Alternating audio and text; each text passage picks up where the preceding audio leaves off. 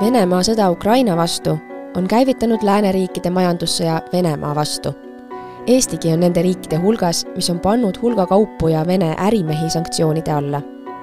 aga kahe tuhande kahekümne kolmandal aastal veeti Eesti ja Venemaa vahel poole miljardi euro väärtuses kaupa, sipupükstest ja kakaost meditsiinitarvikuteni välja. kuidas see äri käib? miks see toetab Venemaa sõda Ukraina vastu? kuidas seda äri aga peatada? Sellest kõigest räägime idavedude artikliseeria autori Martin Lainega Eesti Ekspressi podcastis. mina olen saatejuht Grete Lehepuu.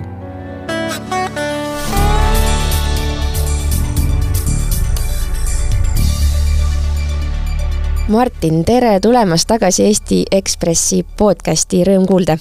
tere.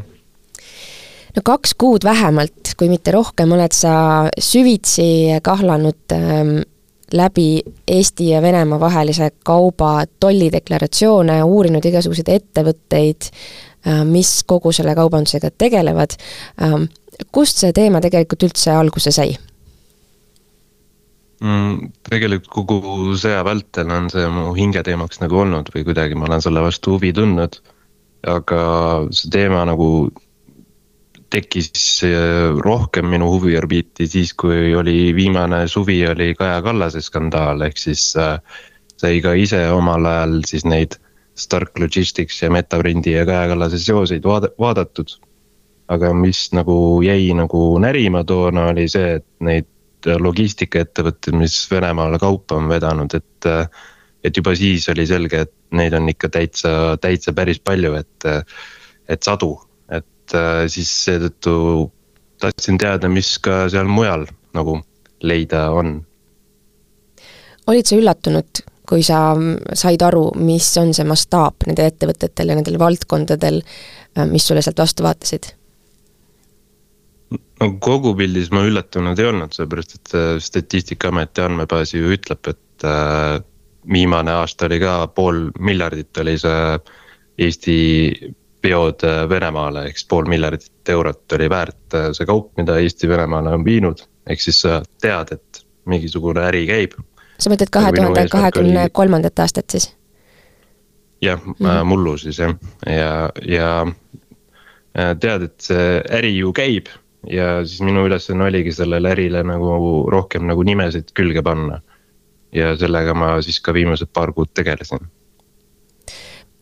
Neid lugusid äh, praeguseks äh, on ilmunud viis tükki juba ja, ja viimasest loost ma lugesin, et vist on, on plaanis lisa veel kirjutada ka, ehk siis materjali, mida teil, head kuulajad, läbi töötada, on äh, küllalt ja me ei hakkagi võib-olla siin neid artikleid otseselt lahti seletama, ümber jutustama, aga teema raamimiseks ole hea, võtta kokku, mis, mis see idavedude see artikli seeria, millest need lood räägivad tegelikult?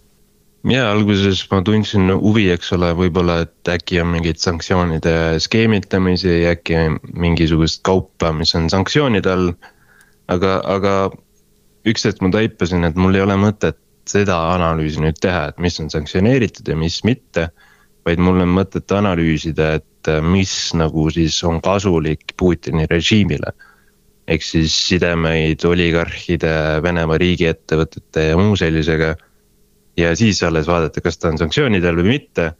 ja üks hetk ma saingi aru, et selle loo selliseks katusteemaks ongi see, et mitte miski ei ole sanktsioonide all, mis sa nagu, kuidas öelda, talupoja mõistusega arvaks, et nagu on, et no seesama näide, et sa võid Alistair Usmanovilt osta siis äh, ligi miljardi eest äh, rauamaaki, nii et silm ka ei pilgu äh,. hoolimata sellest, et äh, mõlemad oligarhid, kes selle Metallo Investiga, see rauamaagi ettevõte, millest ma esimeses loos kirjutasin. et mõlemad oligarhid, kes sellega seotud on, on sanktsioonide all, aga ettevõte ei ole ja, ja see absurdsus nagu äh, torkas kohe silma, rääkimata siis sellest, et selle.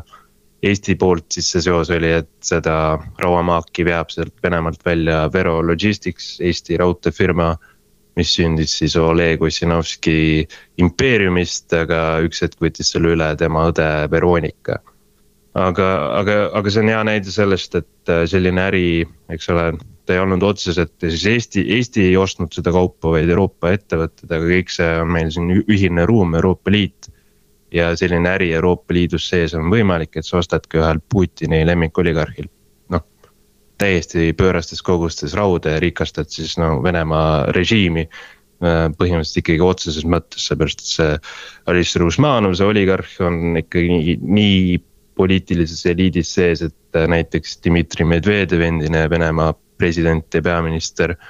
ja saab näiteks ööbida Usmanovi residentsides ja villades ja kasutab neid nagu oma, omaks tarbeks, eks see näitab seda, kuidas Venemaa ka seal me nimetame Venemaad, eks ole, maffiariigiks, millel on tuumarelvad, on ju, et see äh, oligarhide rahakott on ju, millest me siin räägime, on ühiskassa raha nii-öelda kuri, kuritegeliku grupeeringu mõttes. ja minu meelest ei ole normaalne see, et me seda, selle ühiskassaga, selle kuritegeliku režiimiga niimoodi äri saame ajada. ja selle loo nagu katusteemaks oligi, et jah, see kõik on endiselt võimalik, hoolimata sanktsioonidest. Sest sanktsioonid ei ole vormistatud kas õigesti äh, ei ole või on sinna isegi suisa teadlikult jäetud need teed lahti? Kui vaadata neid reaktsioone või, või neid vastuseid ka ettevõtjatelt, kes, kelle ettevõtete kaudu see äri käib, ähm, siis on nagu, on osad need, kes ütlevad, et jah, meil on mingisugused lepingud üleval, mille täitmisest me kuidagi ei saa nagu pääseda või noh, justkui nad on nagu sundseisus juriidilises mõttes. Äh, ja siis mulle tundub, on need, kes tegelikult ei otsi ühtegi vabandust Äh, kumba leeri Ossinovski praegusel hetkel äh, läheb või, või, või mis küsimus võib-olla sul on see, et, et äh, et kui sa ühendusid selle ettevõttega, mis sulle selgituseks öeldi? jaa, no esiteks Ossinovski ega tema õde ise väga midagi ei öelnudki. Ossinovski noh, nagu ta seal paberi peal välja näeb, see äri, eks ole, et kui see on tema õe nimel, siis ta ei peagi otseselt nagu vastama, seepärast et et see võib olla küll tema üles ehitatud, kuidas öelda, infra, mille najal see kõik toimib. aga juriidiliselt on tema õde see, kes vastutab. aga, aga samal ajal siis tema õde on kadunud ja tema selgitusi ei anna. Ja kõige tipuks me saime kätte siis selle Vero Logistics OÜ juhataja Indrek Paali, kes on väga värvikas kuju. ja tema siis oli kindlasti sellest leerist, mis äh, mitte ainult ei noh, kuidas öelda, kellel on suva sellest, et ta Venemaaga äri ajab, vaid. ja vaid ta ka nagu leiab, et Venemaa, Eesti käitub üldse täiesti valesti selles küsimuses ja ei tohiks end niimoodi sulgeda. ei peaks äh, üldse vait olema rohkem, mitte nii palju mölisema. ja miks siis niimoodi, millal see arvamus no, põhineb? no et äh, on teatav kontingent Eestis, kelle jaoks äh, ei tohiks Venemaad üldse ärritada, et see just suurendab nende hinnangul siis seda võimalust, et Venemaa võiks meie vastu olla vaenulik. aga, aga ehk siis tema paistab kuuluvat sellisesse ilmavaatesse, et Venemaad ei tohiks ärritada mitte mingil juhul. Okei. Okay kui palju, et, et veel korraks niimoodi põgusalt puudutada neid valdkondi, mis, mis su lugudes läbi käisid, et äh, kui palju tegelikult otseselt on ka seotud sõjatööstusega äh, neid ettevõtmisi, mis Eesti kaudu või, või ka Eesti tootmises ähm, äh, Venemaa, Venemaaga äri ajamisest lõpuks tähendab, mis, mis lõpuks tule-, jõuavad siis nagu ka sinna sõjamasinatesse ja sõjapidamisse välja jaa, ähm, eks nagu sajaprotsendilise kindlusega saaksid sa seda öelda ainult siis, kui sa paneksid mingile kaubale tracker'i peale ja ootaksid, kuni ta sinna tangi sisse jõuab. aga, aga see, mis mina nagu ajakirjanikuna teha sain, noh, see maksimum, mis ma teha sain, nagu ütleb mulle, et see tõenäosus on paraku päris suur ja mitte see, et lihtsalt oleks vahendatud sinna mingit kaupa, vaid et seda on ka siin Eestis toodetud. ja selle nagu väljaselgitamiseks oligi vaja nagu head viisi üldse aru saada, mis kaup on Vene sõjatööstusele nagu kasulik. ja, ja see nii-öelda dual use ehk siis kaheotstarbeline kaup, mida saab kasutada ka sõjatööstuses. et selle jaoks mingeid andmebaase, kusjuures nagu siukseid ametlikke nagu mul ei õnnestunudki leida äh,. välja arvatud siis see üks, mille, mida mina kasutasin, ehk siis Ukraina Äh, kuidas presidendi Zelenskõi käivitatud sihuke töörühm, mis on täiesti nagu väga kõrgel tasemel Ukrainas äh, korraldatud, äh, kus eksperdid siis on analüüsinud sõja tandrilt leitud siis Venemaa tehnikat ja selle põhjal koostanud nimekirja kaupadest, mida, mille, mida oleks vaja, et sellist tehnikat, eks ole, kokku ehitada. Ja kui me seda kaupade nimekirja võrdleme sellega, mis on siit Eestist nagu Venemaale poole liikunud, siis see pilt on üsna kurb jah. ja, ja teiseks sellest üksi ei piisaks, et näidata, et asi on seotud nagu sõjatööstusega. tuleb vaadata ka, kus see seal Venemaal võiks nagu edasi jõuda. Aga kui vaadata neid Eesti ettevõtete partnerid Venemaal, siis need on end otsesõnu Vene sõjatööstusega nagu täitsa ametlikult nagu sidunud nii oma reklaamtekstides kui ka brošüürides kui ka kui ka oma veebilehel, kus seal nimetatakse konkreetselt Vene kaitsetööstuse ettevõtteid või, või siis öeldaksegi konkreetselt, et äh, tarnime, tarnime muuhulgas siis äh, Vene sõjaväele kaupa. Kuidas see ikkagi võimalik on, et, äh, et kui sa ajakirjaniku ja, ja mitte su nagu siis ma ei tea, kaubanduseksperdi või sanktsioonieksperdina, kelle, kelle igapäevatöö võiks olla asju hinnata, kui sa ikkagi jõuad nende järelduseni, juba sina jõuad, et mis, mismoodi ikkagi need kaubateed lahti on? miks me ei ole piiranud kuullaagrite või, või rulllaagrite vedu Venemaale? no just nimelt seetõttu, et sellist poliitilist survet nagu nüüd luua sellega, et. et keelame nüüd rullaagrid ära või keelame nüüd need kiibid ära või keelame, ma ei tea, mingisugused Äh, elektrimootorid ära, et seda selgitada inimestele, miks see nagu oluline on, on, on olnud võib-olla keeruline. ja ei ole tekkinud seda tohutut survet. Äh, ja teine asi on ka see, et teataval määral tegelikult on näha, et sanktsioonid nagu töötavad selles mõttes, et kui me räägime sellest samast ärist, siis mulle teadmata põhjustel nad ju üks hetk otsustasid oma ärisuunad liigutada läbi Kasahstani, ehk siis äh, loodi Kasahstanis uued ettevõtted, mis hakkasid sedasama kaupa järsku nagu vastu võtma seal kahe tuhande kahekümne kolmanda aasta teises pooles.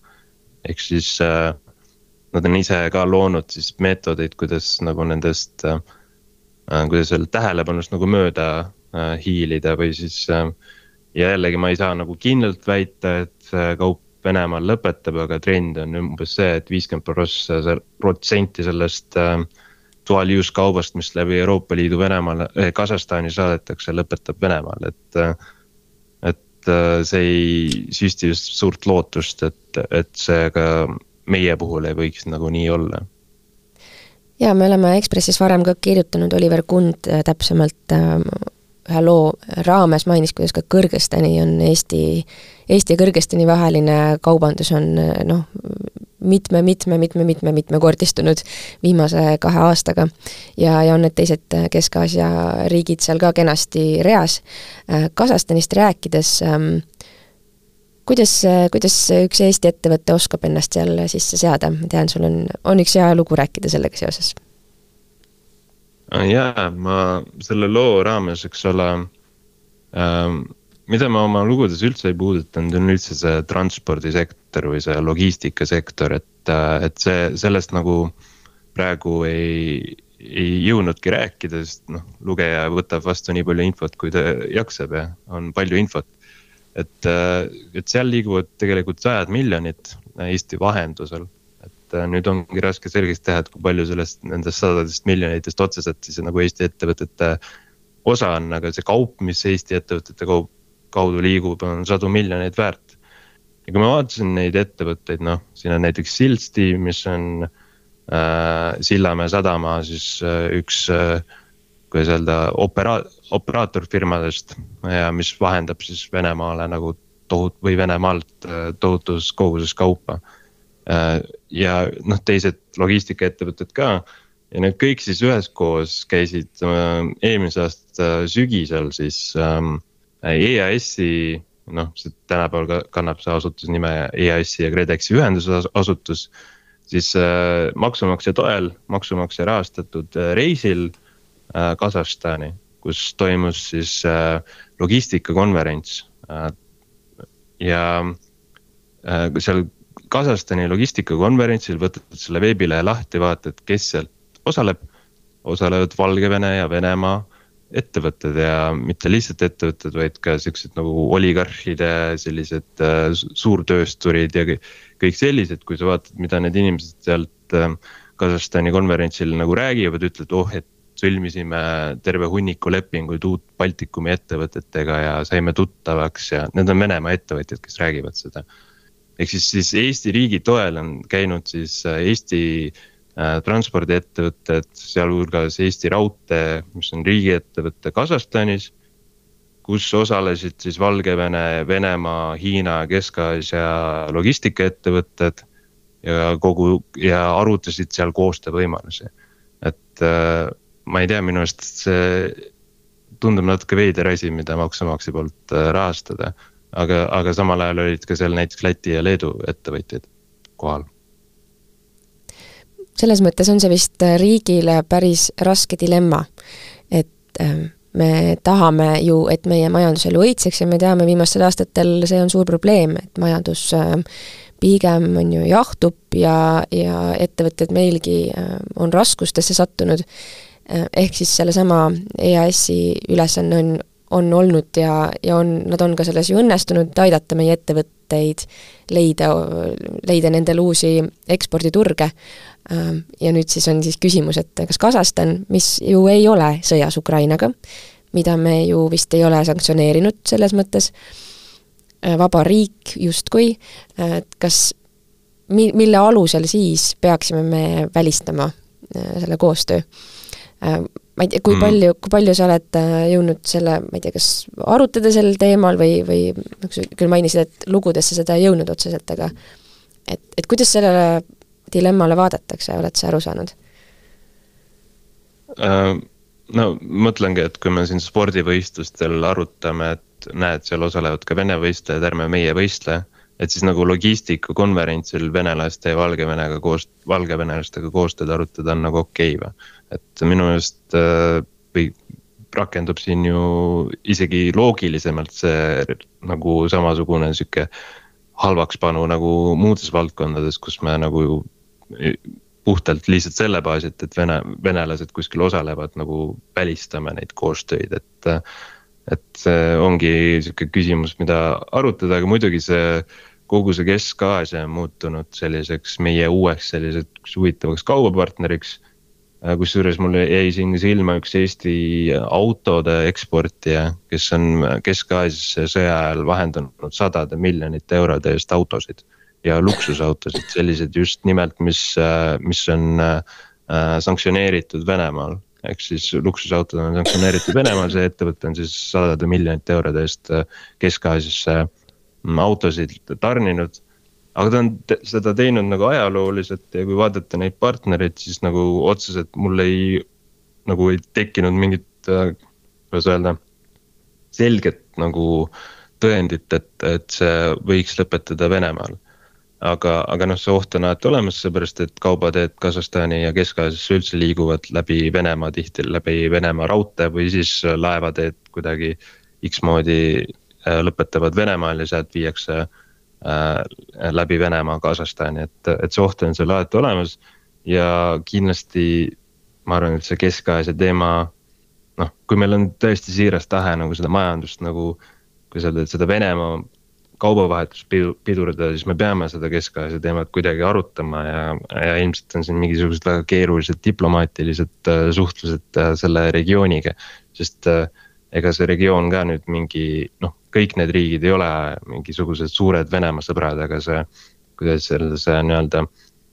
see fakt, et läbi Venemaa liigub kaup ja siis laaditakse nagu poole peal see kaup maha, kuigi see peaks jõudma Kasahstani, et see ju korruptsioon või see olukord, mis seda võimeldab, ei ole ainult nagu nende sihtriikide süü, et see ongi nagu keeruline probleem ja see nagu kuidagi tuleks välja peilida nagu legitiimne äh, transpordiäri, ehk siis kuidagi aru saada, et, et see kaup nagu päriselt kohale jõuab.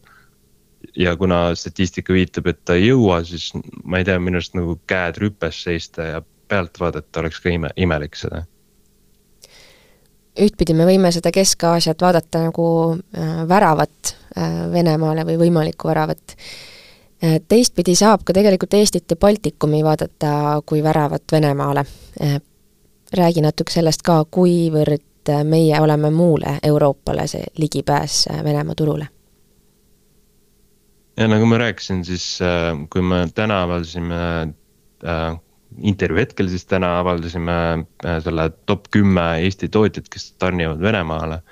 siis need käibenumbrid selle juures või need kaubaväärtusnumbrid selle juures on palju väiksemad kui nii mõnelgi ettevõttel. kui me mõõdame siis puhtalt selle kauba väärtust, mida nad Venemaale saadavad, ma räägin, et siin on ettevõtted, mis on liig-, liigutanud Venemaale nagu sadade miljonite eurode eest kaupa. aga, aga selle kauba saatjaks on tihti just Euroopa Liidu ettevõtted, eks euro, nagu see, kes sellest raha teenib või kes äh, sellest maksab. on äh, hoopis mõni lääneriigi, lääneriigi ettevõte, mis on mõni gigantne ettevõte, et kui siin on. näiteks üks transpordifirma, mis toimetab minu teada Muuga sadamas ma ei hakka nimetama teda, sest ma ei ole nendega ühendust võtnud ja neid kommentaare küsinud, aga nad on liigutanud kahesaja üheksakümne miljoni dollari eest äh, kaupa läbi Eesti ja Venemaale. ja nende klientideks on siis kõik need suured firmad, millest on siin sõja ajal palju räägitud, igasugused Unileverid, Nestle'd. Uh, kõik needsamad ettevõtted, millest me oleme siin rääkinud nagu, mida meie toidupoes ka leiab palju ja leiub, leidub ka Venemaa toidupoodides, sest keegi viib neid Venemaale ja tuleb välja, et tegelikult siit Eesti kaudu viiaksegi. ja kogu see teema tähendab ka seda, et kui, kui me siin Baltikumis otsustaksime selle äri ära keelata, suisa näiteks Baltikumi üleselt. mis minu meelest noh, oleks üks lahendusviis, et kui me ei julge ise sanktsioneerida, kardame, et kui meie sanktsioneerime üksi, siis me teeme enda majandusele liiga. siis võiks ju Baltikumi üleselt näiteks otsustada seda aga miks me seda otsust nagu nii ülbelt teha ei saa, ongi see, et tegelikult meist endast veel rohkem sõltub äh, meie piirist ja meie transpordisektorist äh, Lääne-Euroopa majandus. ehk siis me ei saa seda otsust justkui ise, isepäiselt nagu üksi teha.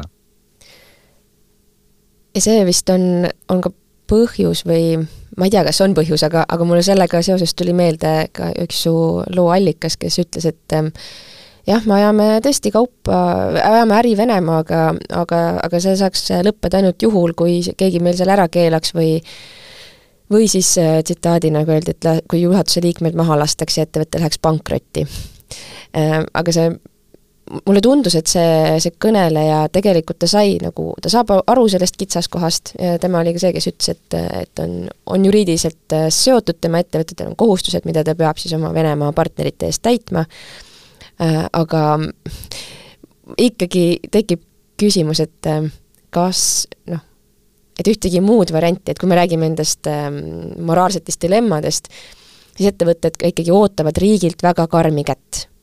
Äh, riik, mulle tundub, on kuidagi teistpidi nagu seotud jälle sellega, et me, me püüame ühte jalga astuda Euroopa Liiduga ja seal seatud sanktsioonidega, et selline, ma ei tea, nõiaring või nokk kinni, saba lahti olukord täiesti ja, ja tähelepanek, et me oleme Euroopa Liidust nagu sõltuvuses, ei saa, seda ei saa siin nagu alahinnata, isegi kui sa tahad seda, et Eesti üksi otsuseid teeks, et.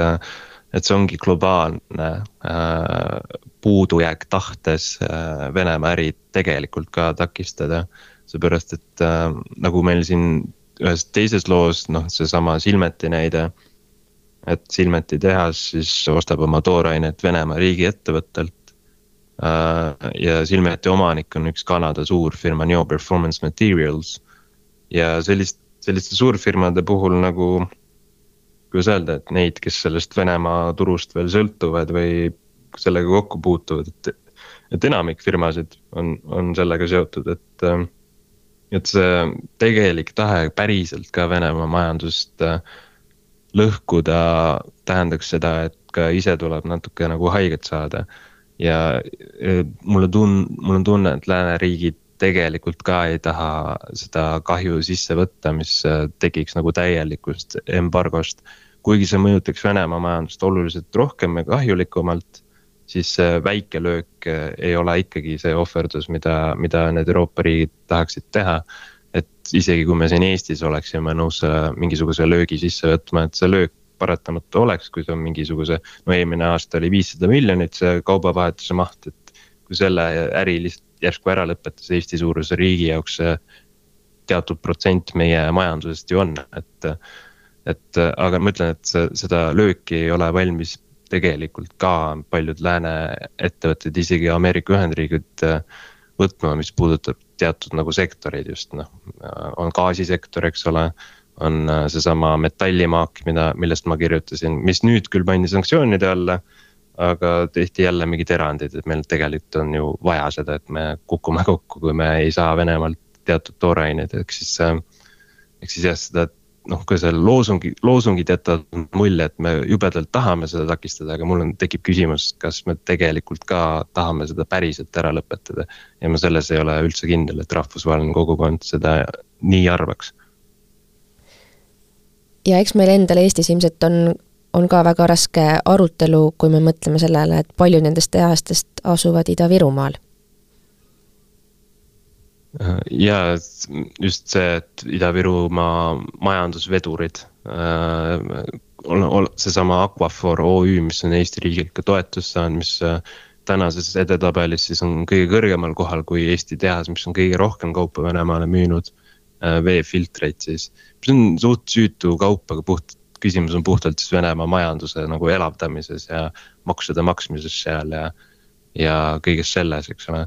et äh, sellel on nii palju töötajaid seal Narvas, et kui see nagu päevapealt kinni panna, siis oleks isegi sellele piirkonnale väike nagu sotsiaalne katastroof. seesama Silmeti tehas jälle noh, seesama omanik ehitab sinna magnetitehast, mis peaks andma töökoha tuhandele inimesele et jälle, kas see on äh, asi, millest me oleme valmis ilma jääma selleks, et Venemaad karistada, et need dilemmad, kuidas öelda, moraalselt justkui nagu lihtne, et, et lõpetame Venemaaga äri, aga sisuliselt on need dilemmad päris keerulised mõnikord. ma loodan, et, ähm, et sina saad varsti puhata vähemalt mõneks ajaks nendest teemadest, aga et meil ühiskond ähm, ja, ja tegelikult poliitilistes debattides ma tahaksin seda, seda arutelu jätkamist näha ja, ja kõigi nende dilemmade lahti arutamist. aitäh suure töö eest, Grete Palgi vist tuleks ka veel ära mainida, kes on ka mitme loo autor nende idavedude seeria juures olnud ähm, tahad sa ise veel kedagi ära mainida, kes on abiks olnud või Grete ja sina vist põhiliselt tegite, jah? ja, et Grete aitas äh, dataga ehk siis datat oli, eks ole, palju, kõik need äh, Venemaa tollideklaratsioonid ja see oli suur peavalu, sest need andmed ei ole üldse nii lihtsad töödelda või lihtsalt aru saada, et see, et seal tuli kõvasti puhastada seda, neid andmeid ja asju. eks kõik suur peavalu ja Grete aitas mind sellega, et, et mul suured tänud talle ka. Aitäh teile mõlemale selle töö eest, aitäh selle vestluse eest, Martin. ja ma arvan, ega mõne aja pärast kohtume Ekspressi podcastis taas oled meil äh, tore püsikülaline siin. aga jõudu sulle edaspidiseks, jah. teeme nii, jah, okei. ja aitäh kuulajatele ja loomulikult äh, leiate meid nii Delfi taskuäpist, Spotify'st, kõikvõimalikest äh, podcast'i rakendustest. Kuulmiseni juba järgmisel nädalal